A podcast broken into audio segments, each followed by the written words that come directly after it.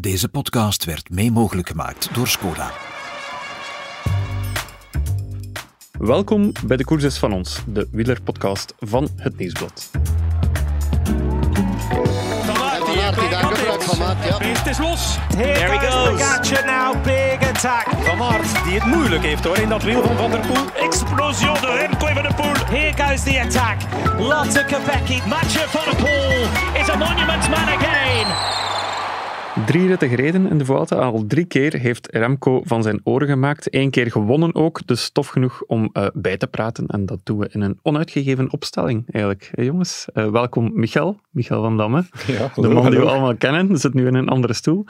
En welkom Stijn Joris, uh, wielerreporter bij het Nieuwsblad. Hey. Dag Stijn. Lang geleden hè Stijn? Uh, ik kan me zelfs al niet meer herinneren wanneer ik hier nog gezeten heb. Nee. Ja, vorig jaar uh, in de Tour en zo heb je er een paar gedaan. Maar, uh, ja. En ons, onlangs nog een. Maar... Toch niet bij de concurrentie, Stijn? Nee, nee. Met Guy samen, denk ik. Ah, oké. Okay. Ah, okay. ja, okay. En Michael, je zit dus in een andere stoel. We zijn gewoon van stoel gewisseld. Ja. Um, ja, dus uh, ik ben Bert Heijvaart, podcastproducer. Maar we gaan het vandaag met drie doen, want heel veel om over bij te praten. Al echt een, ja, vol discussie geweest eigenlijk. Ja, we zijn drie ritten ver en eigenlijk sportief. Vandaag is er wel iets gebeurd, maar de voorbije twee dagen is er sportief eigenlijk niets gebeurd. Maar wel heel veel stof om over na te spreken. Veel ja, ja. stenten is. Uh, ja, dus, dus de, de, krantenpagina's waren denk ik makkelijk gevuld. Ja, die waren makkelijk gevuld, ja. Het leek vandaag alleen over koers te kunnen gaan, maar dat was dan toch weer buiten ja. gerekend. maar laten we toch maar eens beginnen bij de koers, want vandaag de eerste bergrit, aankomst uh, op Andorra.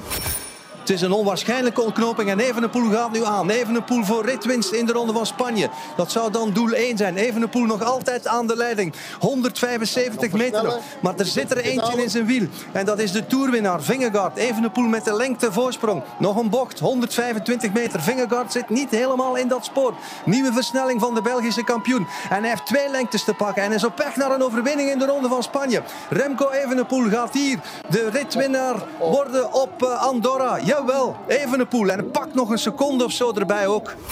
Hulde aan Renaat voor de commentaar natuurlijk. En je voelt het ook eigenlijk aan zijn stem. Hè. Het was best wel indrukwekkend. Vingegaard los uit het wielrijden, bergop. Had jij dat verwacht, Stijn?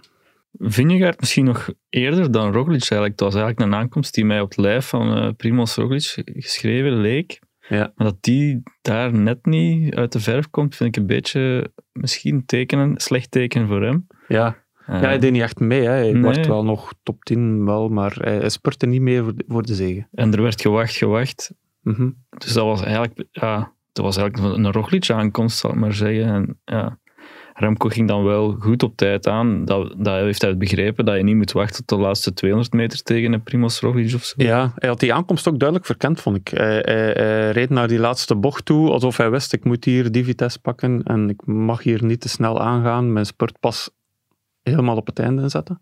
Ja, hij heeft zijn laatste hoogtestage, heel korte hoogtestage, eigenlijk vlak voor de Vuelta, heeft hij in Andorra uh, doorgebracht. Hij heeft er alles verkend, uh, van binnen en van buiten, van links naar rechts. Hij heeft er ook een filmpje van op zijn social media ja. geplaatst. Uh, blijkbaar waren ze ook, ook op zoek naar eurostukken om te kunnen biljarten of poelen. Ah, ja? ja, ja, dat ook wel. Maar los, los van het vele poelen heeft hij, heeft hij dat inderdaad ook verkend. Dus, Behalve misschien de strook na de aankomst, maar daar hebben we het straks over. voor de rest pakt hij het ook een beetje on-Remco aan, vind ik. Allee, hij zat duidelijk goed. Hij had overschot. En hij gaat niet aanvallen op voorhand. Ja. Dat zou hij anders wel, denk ik, gedaan hebben. Hij zou daar ay, zich moeilijk kunnen intomen hebben. En dat waarom heeft hij dat nu niet gedaan? Uh, misschien is dat toch een beetje uh, meer tactische inzicht en wijsheid die er, erbij komt. Je zou altijd denken dat hij reageert op een van die sprongen of zo, maar hij ja, bleef altijd also, ja, ja. netjes zitten en, en, en liet het een beetje gebeuren voor zich en sloeg dan op het einde toe. Uh, heel slim en, en een soort van nieuwe tactiek eigenlijk ja. die we niet van hem gewend zijn. Ja. ja, want op zich liep het allemaal perfect. Ze hebben eigenlijk het werk voor hem gedaan. Hè. Uh, UAE en Jumbo-Visma zaten daar nog met heel veel volk. Um, is dat het beeld dat we de komende Vuelta ook gaan zien, of komt er nu al meer druk op zijn schouders? Ja, ze gaan nu wel iets meer naar Soudal Quickstep beginnen kijken natuurlijk. Ja. De vraag is alleen natuurlijk ook, hoe lang gaan ze die leiderstrui aan boord houden? Gaan ze die weggeven? Het is heel vroeg natuurlijk. Ja. Denk dat ze er wel alles gaan aan doen om hem weg te geven. Maar er zijn nu zo twee etappes, ja, sprintetappes, ja, nee. Maar ik denk dat ze echt hopen van, uh, jongens, misschien moeten ze eens ja, rondgaan in het peloton van, heb jij geen zin om uh, de rode trui te pakken of zo? Ja, ik weet het niet. We laten jou rijden, ja. In die zin is het misschien niet slecht. Er zijn weinig sprinters aanwezig in deze eh, Vuelta liever. Dus er gaat niet echt gejaagd worden misschien. Of er zijn weinig ploegen die echt gaan willen jagen ja, ja, om ja. tot een spurt, spurt, te laten komen. Ja, want Patrick Lefevre had vooraf gezegd van we gaan um, ja, eerst alle anderen hun bord laten leeg eten en dan pas komt Remco. Ik heb niet de indruk dat dat nu echt gebeurd is. Hij heeft gewoon direct zijn eigen bord is vol opgegeten, denk ik dan. Ja, hij heeft toch gewacht, hè? Ja, in de koers wel, maar uh, als je het bekijkt over het hele Vuelta, hij staat nu wel op kop. Uh, en ze hebben toch, ondanks wat hij voor de rit zei, hebben ze, heeft hij toch zijn mannetjes ook mee laten werken in die, ja. in die eerste fase van de rit. Hè. Mm -hmm. Ja. Wat vonden we van de rest van uh, Jumbo-Visma, van UAE? Vooral UAE was op de klim zeer actief. Ja, ik geloof dat ik net ergens een tweet zag passeren dat zowel UAE als Jumbo-Visma met vier renners in de top 15 staan. Ja, klopt, inderdaad. Dat is uh, behoorlijk indrukwekkend ja, natuurlijk. Ja. Ja. En een Sepp Koes die daar nog even probeerde de rit te winnen ook. Ja. Ja, de grote verliezer is vooral uh, Jaron Thomas. Hè. Die ja. staat op 1 minuut en 11 in het klassement. 1 minuut en 11. En eigenlijk heel die Ineos-ploeg. Ik geloof dat er nog een aantal zijn die, die tijd verliezen. Dus die, ja, die Ineos-ploeg, ook in de openingstijdrit waren ze, ja, natuurlijk, uh, ja, door de val, val, valpartij van Laurens de Plus. Uh, dat helpt natuurlijk niet, maar ja, als je na drie dagen dat balans moet opmaken, dan zitten die echt wel in de hoek waar de klappen vallen. Hè. Dat, is, dat is bijna allee, een minuut en, en elf. Ik zou niet zeggen dat zijn zijn Vuelta voorbij is, maar is normaal gezien de volger. Dus ik vraag me af waar hij dat gaat goedmaken. Dus, uh... Hij is zondag ook gevallen natuurlijk, dus dat zijn misschien wel ja, verzachtende omstandigheden. Ja, Tijmen was nog een beetje mee, maar ook niet in de eerste groep. Nee, hij heeft ook uh, tijd dus, verloren. Uh, ja. Dus ja. ja. die hebben toch wel wat schade opgelopen, vind ik. Ja. En, en hoe heb je dat koersgedrag van, van UAE gelezen? Want ik vond dat wel opvallend. Jay Vine, die daar echt wel het tempo gaat bepalen. Ik dacht eigenlijk, het is aan Jumbo om dat te doen, maar niet. Ja, Juzo moet zich blijkbaar goed voelen. Hè. En uiteindelijk eindigt hij ook nog goed vooraan. Dus ondanks het feit dat, dat, ja, dat hij daar toch een aanval geplaatst heeft. Hè. Hij plaatst een aanval op een bepaald moment. Er wordt op gereageerd, Ayuso. Maar het is niet dat hij met die aanval over zijn toeren gegaan is. Dus ik denk dat hij echt wel heel goede benen had. En hij is ook jong natuurlijk. En misschien moet hij nog een beetje leren om zich wat in te tomen. Maar ja, ja dat is, het is goed voor Remco dat er ook nog andere gasten zijn die de koers openbreken. Maar uh, ik denk dat hij gewoon echt met, met, met goede benen zat. En uh, gezegd zal hebben van, doe maar. Het is ook een jonge gast. Hè. Wij denken dat Evenepoel de enige is die zo uh, ja, in die generatie de boel in de fik steekt. Maar ik denk dat Ayuso ook een hevig bazetje is. Hij, is, hij, heeft, er, hij heeft trouwens ook fel gereageerd.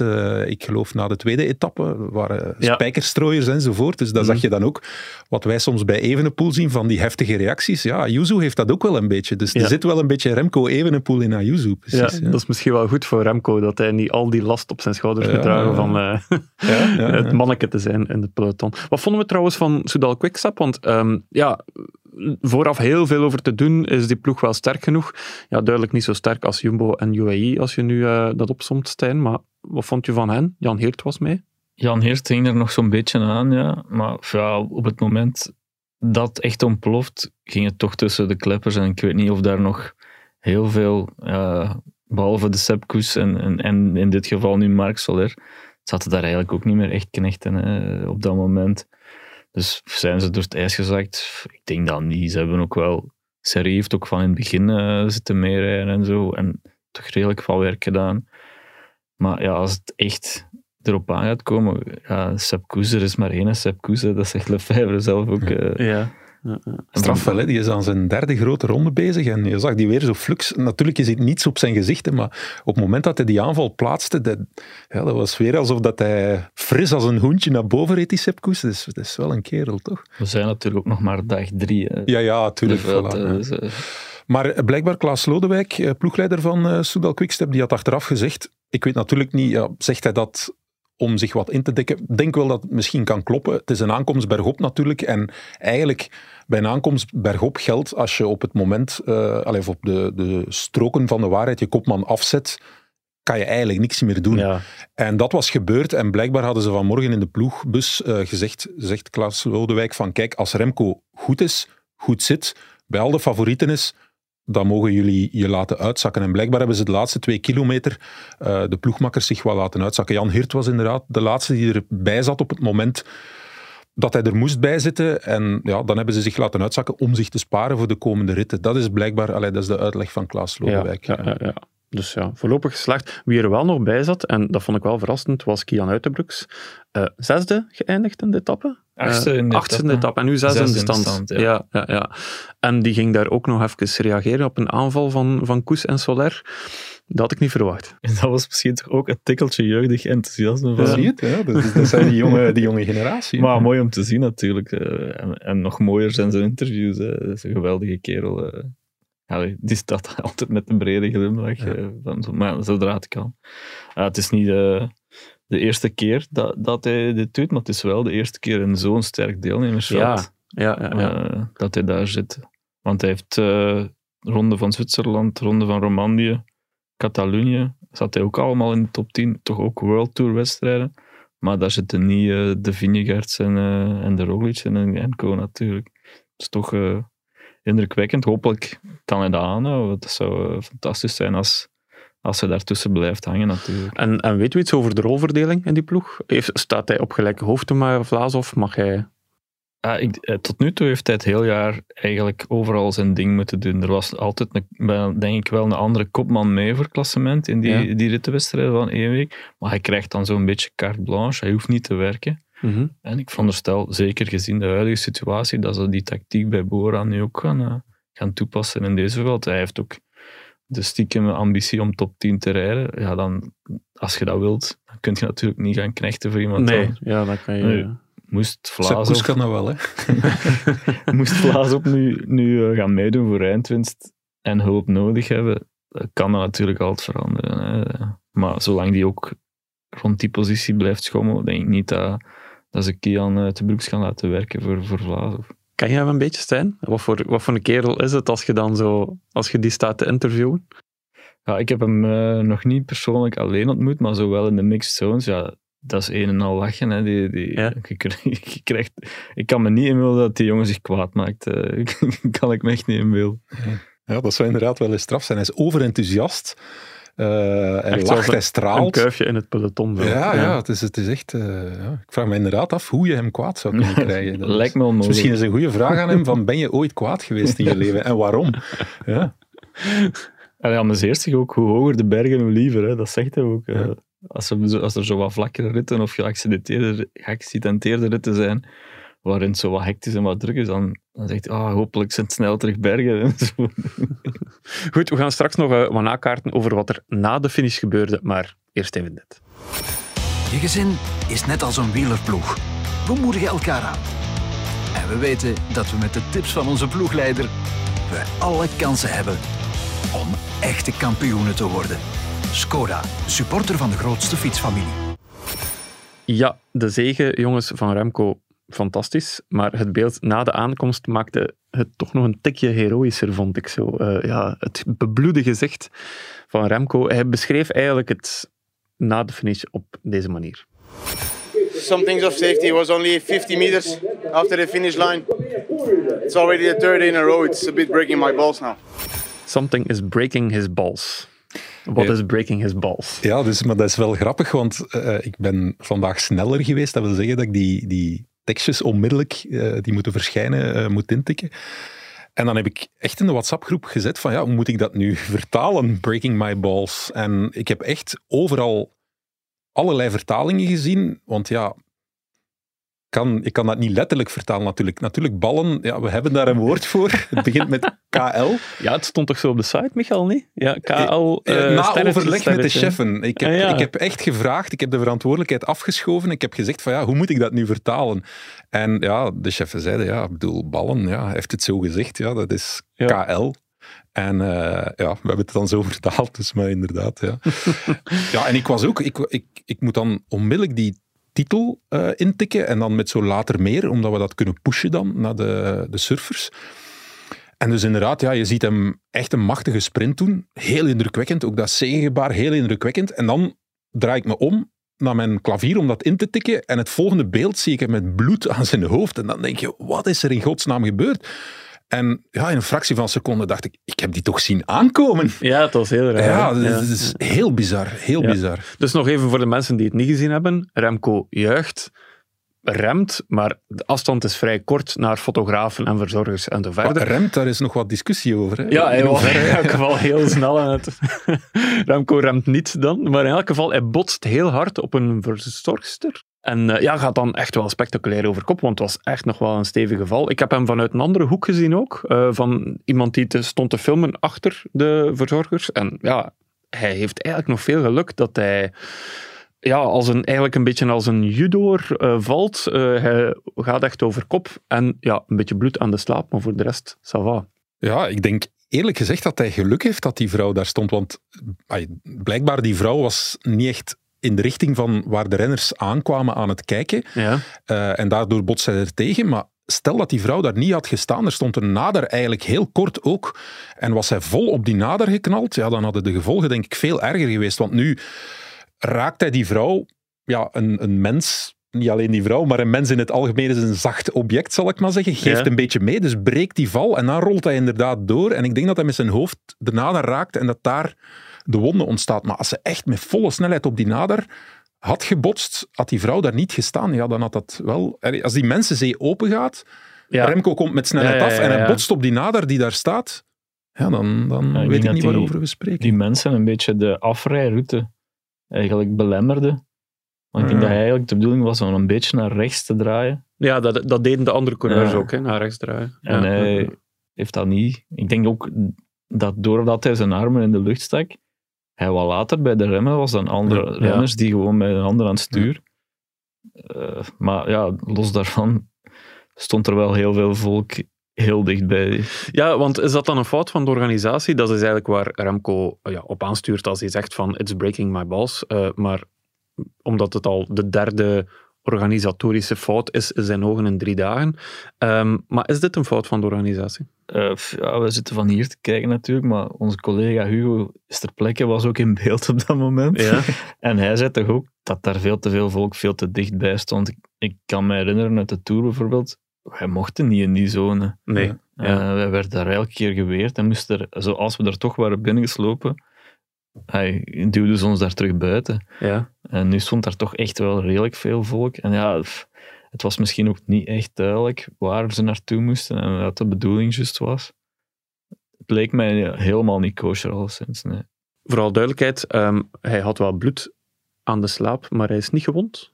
Op het eerste zicht toch niet. Eh, Hij stapte toch nog vlot die trap naar het podium op. En Ja. we hebben hem ook nog zien losrijden. Dus Ik heb ook nog een Spaans filmpje gezien eh, van een Spaanse journaliste die ik ook volg, die, die zelf ook vanuit een andere hoek had gefilmd. En dan zie je eigenlijk Remco meteen na de aankomst als zijn eerste ploegmakkers toekomen. Eh, en dan is ze echt aan het lachen. eh, en dan zeggen ze, ja, wat is er gebeurd? Oh, hij crashed, hè, hij crashed. En ah, hij was daar vrolijk aan het lachen enzovoort. Dus eens het bloed weggeveegd was, ja, was eigenlijk waren alle gevolgen min of meer Ja. ook weggeveegd. Natuurlijk, we weten nu van eh, Average Rob, de filmpjes. eh, Ja. In de Giro heeft hij, is hij ook eens gevallen, of serieus gevallen. En ja, toen hebben wij nadien dan, eh, naar, naar aanleiding van die documentaire, of in die documentaire te weten gekomen, dat hij tegen het tegen de ploeg eigenlijk had gezegd, doe er maar een schep bovenop. Eh, waarschijnlijk dat de Jumbo-Visma's dan dachten van, ja, hij zal, hij zal een beetje eh, ja, geraakt zijn. Misschien moeten wij hem aanvallen of weet Ja. ik veel wat. Dus ja, goed. eh, wie weet dat hij morgen toch ergens eh, ja, er een schepje bovenop zware doet. hersenschudding. Ja, wie weet, wie weet. Ja, ja, ja, ja. kan, Nee, ook ik denk niet dat we het gaan geloven. Dan. dat, kan ook dat de adrenaline misschien een beetje nog de pijn allee, weg aan de kant Ja, want ik vond het toch echt wel een smak. Allee, Als Ja. ik het dan in, in herhaling Ja, zag. ja. Ja, ja, hij is ja. natuurlijk, eh, allee, dat is het geluk, hij is behoorlijk gespierd. Hij is een klein bolletje, zal ik maar zeggen. Hij is ook voetballer geweest. En als ze nu één type sporters zijn die weten hoe ze moeten vallen, dan zijn het wel voetballers natuurlijk. Dus misschien heeft zijn, zijn verleden bij Anderlecht, de Schwalbes van toen, wel, wel geholpen nu. Nee, Ja. maar hij, hij heeft wel die fysiek. Hij is, hij is een, een, een, gespierd bolletje. En zoals hij zegt, hij, hij rolt wel wat. En die val is gebroken enzovoort. Ja, ik kan me voorstellen dat, eh, ja, dat een, een Jonas Vingegaard toch iets teerder is. Zo, zo heel mager. eh, ja, enfin, Natuurlijk, ja, als je valt, je kan sowieso slecht vallen. Hè, ja, ja, ja, het is dat. Nu, het was het zoveelste incident hè, in, uh, op rij. Uh, er was, gisteren heeft hij eigenlijk in de zware regenetappe, uh, etappe 2, heeft hij van zijn oren gemaakt, heeft hij gezegd van de finish ligt hier op drie kilometer van het einde, maar dat was, niet, dat was nog niet ver genoeg volgens Remco. Ja. Dus dan verlegd naar negen kilometer van het einde. En ja, dag één heeft iedereen gezien, de woede-uitbarsting voor de camera's na de ploegentijdrit. You guys have all to put lights on your cameras, which means it's dark. So can you imagine if you're sitting in the wheel, getting water in the face, not seeing one meter in front of you? It's just super dangerous. And for sure, tomorrow everybody will criticize me for saying this, but it's just dangerous. It's just dangerous. It's like riding your car 200 kilometers an hour on the highway in the full dark without any lights. It's just. Ja, had hij gelijk dan eigenlijk? Wie gaat er eerst? Goh, er valt altijd iets voor te zeggen, vind ik. Uh, je kunt niet zeggen dat hem uh, zomaar in niets staat te roepen. Nee. Ja. alleszins. Um, alleen heb ik ook... Ik heb met Adam Hansen uh, contact gehad, dus de voorzitter van de rennersvakbond. Mm -hmm. En die zei over die ploegentijdrit ook van, ja, dat is elk jaar datzelfde uur. Vooraf heeft daar niemand iets over dat uur gezegd. Nu sloegen die, die donderwolken zo'n beetje toe en, en op, de, op de verrassing en was het daardoor zo snel donker. Ja, wat, wat kun je als organisator halverwege een ploegentijdrit nog doen? En hij zei ook van, ja, wij konden ook niet optreden, want als rennersvakbond moeten wij overleggen met alle ploegen en een soort van unaniem of een grote meerderheid hebben vooraleer wij iets aankaarten of een beslissing hebben, ja, dat is tijdens een ploegtijd natuurlijk. Ja, het was, het was eigenlijk pas helemaal op het einde, toen de laatste ploegen starten, duidelijk van, oh, dit wordt echt wel heel mhm. donker. Uh, om zes uur, toen de meeste ploegen aan het rijden waren, had men dat nog niet door, eigenlijk.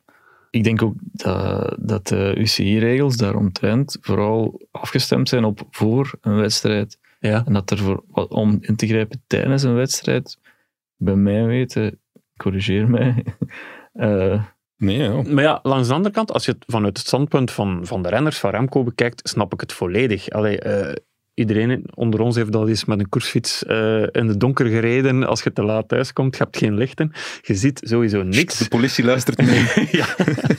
maar ja, als je dan nog een keer... Ja, geen, ja, als, als het keihard regent, als je zo dicht op, uh, ja. op je ploegmaat moet Deed jij dat ook aan 50 per uur, Bert? Uiteraard, uiteraard. Uh, Michael, ja. ja. Um, maar ja, ik snap hem wel. Allee, dat is levensgevaarlijk. En zo'n ja. tijdritfiets is nog minder wendbaar natuurlijk. Dat ja. maakt het nog allemaal iets ingewikkelder. Dus ja, dat was effectief levensgevaarlijk. En, en dat zei Adam Hansen ook. Het was vreselijk om te zien, zei ja. hij, dat er wat er gebeurde. Want allee, je kan wel zeggen van uh, ze, ze komen altijd aan op dat uur. Het is tot nu toe altijd goed gelopen. Ja, anderzijds, allee, het is ook niet onmogelijk dat, dat het iets donkerder wordt. Of dat, ze kunnen dit risico toch eigenlijk niet nemen. Dat, dat een eerste rit van een grote ronde op die manier moet eindigen in zo'n chaos. Mm. Well, ik denk uiteindelijk van die, zeker die eerste dag, dat de grote verliezer wel de Vuelta is eigenlijk. De ja. Vuelta stond voor schut en uh, Evenepoel zei zelf van ja, de, de, de haters zullen morgen weer, wel weer zeggen, maar eigenlijk achteraf gaf iedereen Remco wel gelijk, denk ik. Zelfs op Twitter, hè, het medium waar normaal gezien niemand gelijk krijgt. Ja. Maar uh, hij kreeg wel gelijk en de Vuelta stond vooral een beetje voor schut. Dus ik denk dat dat de Vuelta-baas wel hierover gaat nadenken. Alleen ja, kijk, het is zo dat, dat uh, je kan dat inderdaad niet, niet incalculeren tijdens uh, die etappe, maar blijkbaar de dag ervoor was het wel al duidelijk dat er regen zou vallen, misschien storm zou zijn.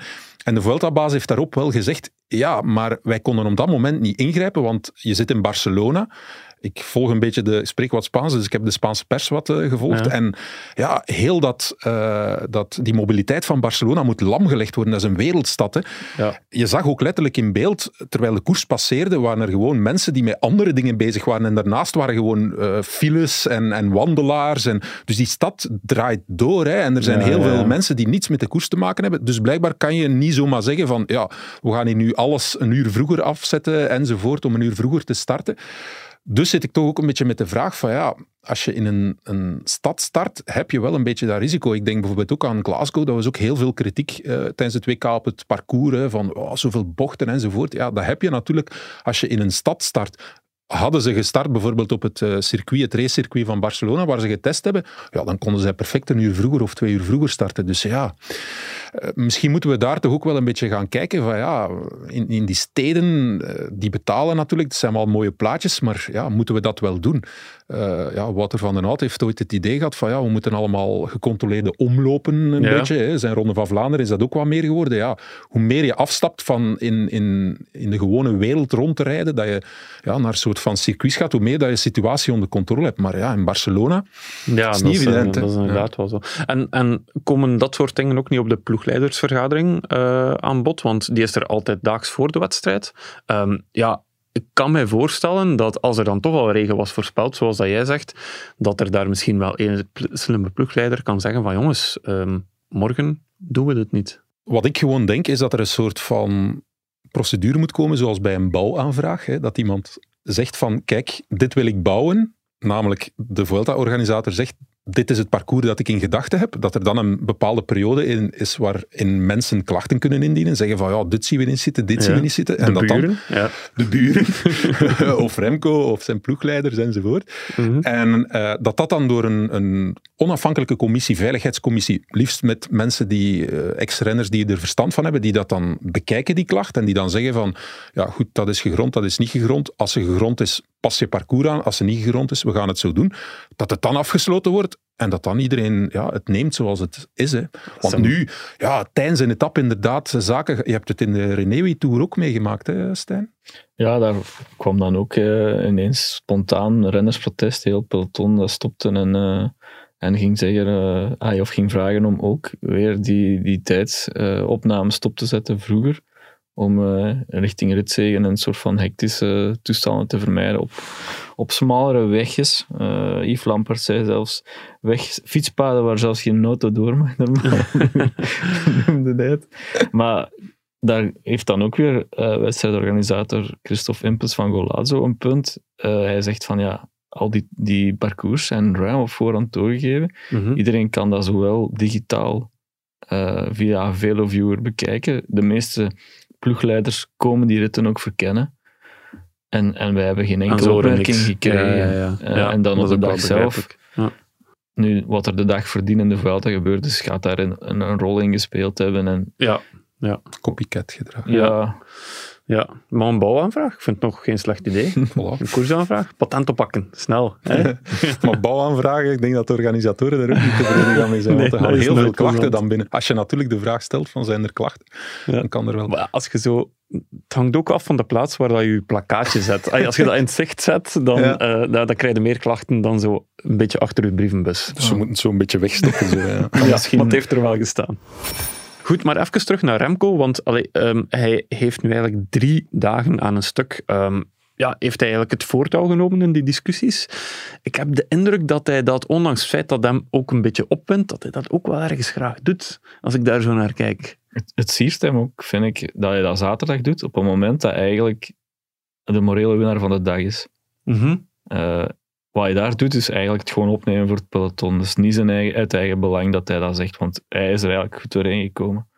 Eh, maar als je dan kijkt hoe Vingegaard, eh Roglic en Co. reageren, Ja, die doen gewoon high five en die zijn weg. En die, eh, Roglic ja. zei letterlijk, eh, ja, first stage done, 20 to come, en klaar. en dan was ze weg. Ja.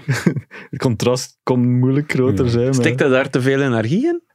ja, ik hoop voor hem dat hij dat eh, goed kan kanaliseren. En Ja. misschien heeft dat zo wat, hij heeft dat zo wat nodig, wel, die vijandigheid. In voetbal heb je dat ook soms sommige ploegen die daarop draaien. Hè, van eh, iedereen is tegen ons Ja, ja, ja. en we zullen ons, eh, ons er tegen afzetten. Ja, Misschien- genoeg kampioenen, wielerkampioenen, Lance Ja. Armstrong en zo verder, die dat ook allemaal hebben neergeschreven vroeger. Hè, van, ik had een vijand nodig. Ja. Ja, dus ik hoop voor hem dat, dat dat goed uitpakt, maar het kan ook zijn dat hij zich daarin verliest en dat hij die stress meesleept en er, ah, dat dat een slechte impact heeft natuurlijk. Maar dat kunnen wij van hieruit heel moeilijk oordelen, denk ik. Ja, ik denk, als je het, eh, we hebben al de link gelegd naar het voetbal. Ik denk dat dat echt de voetballer is in Remco nog, want hij is altijd aanvoerder geweest bij Anderlecht ook. Dat is een kapitein, hè.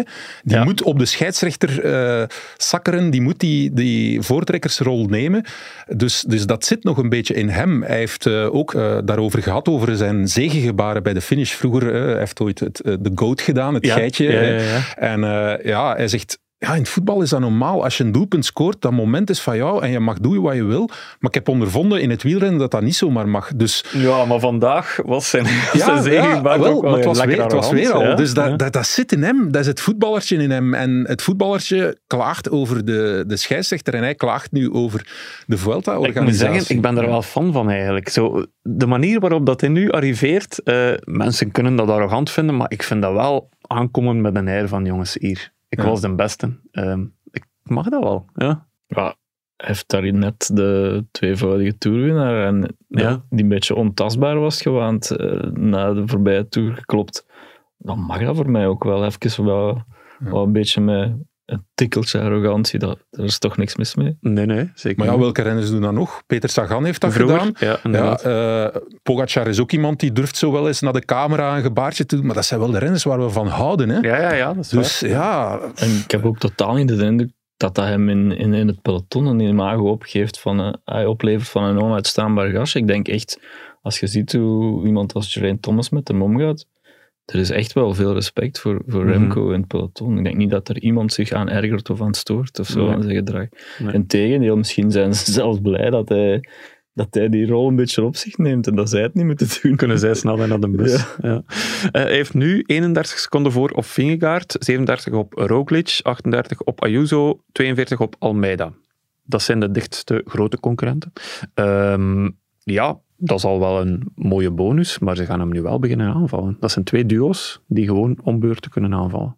Ja. Stijn, je bent ploegleider, Klaas Lodewijk, wat doe je?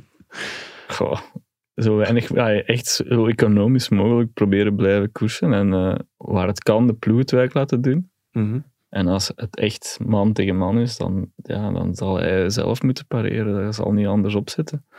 Maar hij moet ook wel durven pokeren, want langs de ene kant kan hij ook zeggen, eh Ayuso rijdt hier weg, eh Primos, Jonas, dat is voor jullie ook slecht nieuws. hè. Ja, ja, ja. Dan Ja. moet hij ook wel eens durven. Eh, en niet als hij alles zelf gaat opkuisen, dan gaat hij zich tegen een muur rijden, vrees ik. Ja, ja, ja. Dan is er de aanval te veel, waar dat de verzuring echt in de benen kruipt en dan eh, lukt het niet. Ja, of op termijn eh, breekt hem dat op in etappen zoveel, hè. al Ja. die inspanningen. Ja, ja, ja. Maar het is wel al mooi meegenomen, hè, die bonus. Want ja, natuurlijk, in het interview achteraf zei hij ook, eerst al lachend, maar hij zei van, als het de vraag was over de rode trui, van ja, jammer genoeg heb ik die rode trui. Natuurlijk, hij had hem waarschijnlijk liever niet gehad. Maar ja, als dat een gevolg is van die tijd eh, te pakken, ja, je gaat die tijd niet laten liggen om de rode trui niet, want... eh, je ziet, de Tour is echt heel lang een secondenspel geweest. Ja, hij heeft nu toch wel al behoorlijk eh, voorsprong. Er komt nog een Komt er een tijdrit tijdrit aan? Ja. Ja, ja, ja. ja, ja. Ja. En het voordeel is denk ik ook dat het is niet Evenepoel en, ehm, en dan de Jumbo's, maar inderdaad UAE staat er ook met heel veel mannen nog eh, ja, in de top 10. Hè. We hebben het er net Mhm. over gehad. Dus die gaan, ook, ja, die gaan ook moeten spelen. Dus hij kan wel pokeren en hij gaat moeten pokeren. Ja. Is het beter dat hij nu voor staat dan dat hij zou moeten achtervolgen? Ja, dat is sowieso. Hè. Dat Ja. gaat, ah, daar gaat geen discussie over zijn. Dat gaat hij zelf ook met veel plezier zeggen. eh.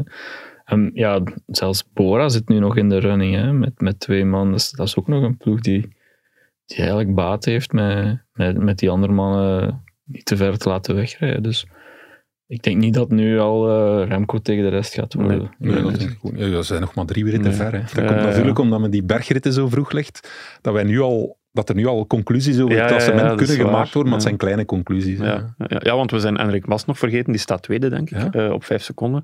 Ja, we hebben het er al over gehad in de vorige podcast. Die kan ook een bondgenoot zijn van Remco, eh, dus nog niet beslist. Goed. Eh, jongens, ik denk dat we een beetje rond zijn voor vandaag. Eh, bedankt voor de tijd alvast.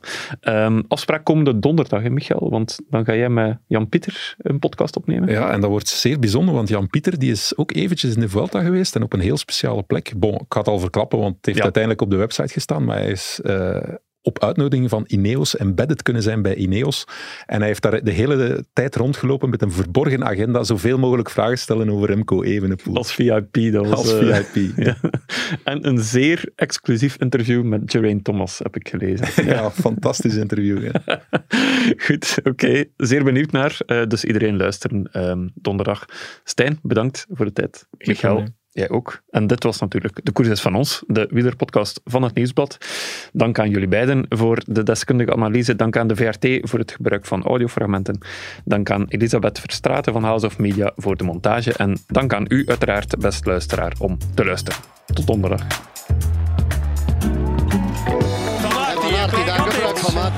Is los. Here There he goes. Pogacar now, big attack. Van Aert, die het moeilijk heeft hoor in dat wiel van Van der Poel. Explosion de Remco Van der Poel. Here goes the attack. Lotte Kopecky. Matcher Van der Poel is a monument man again.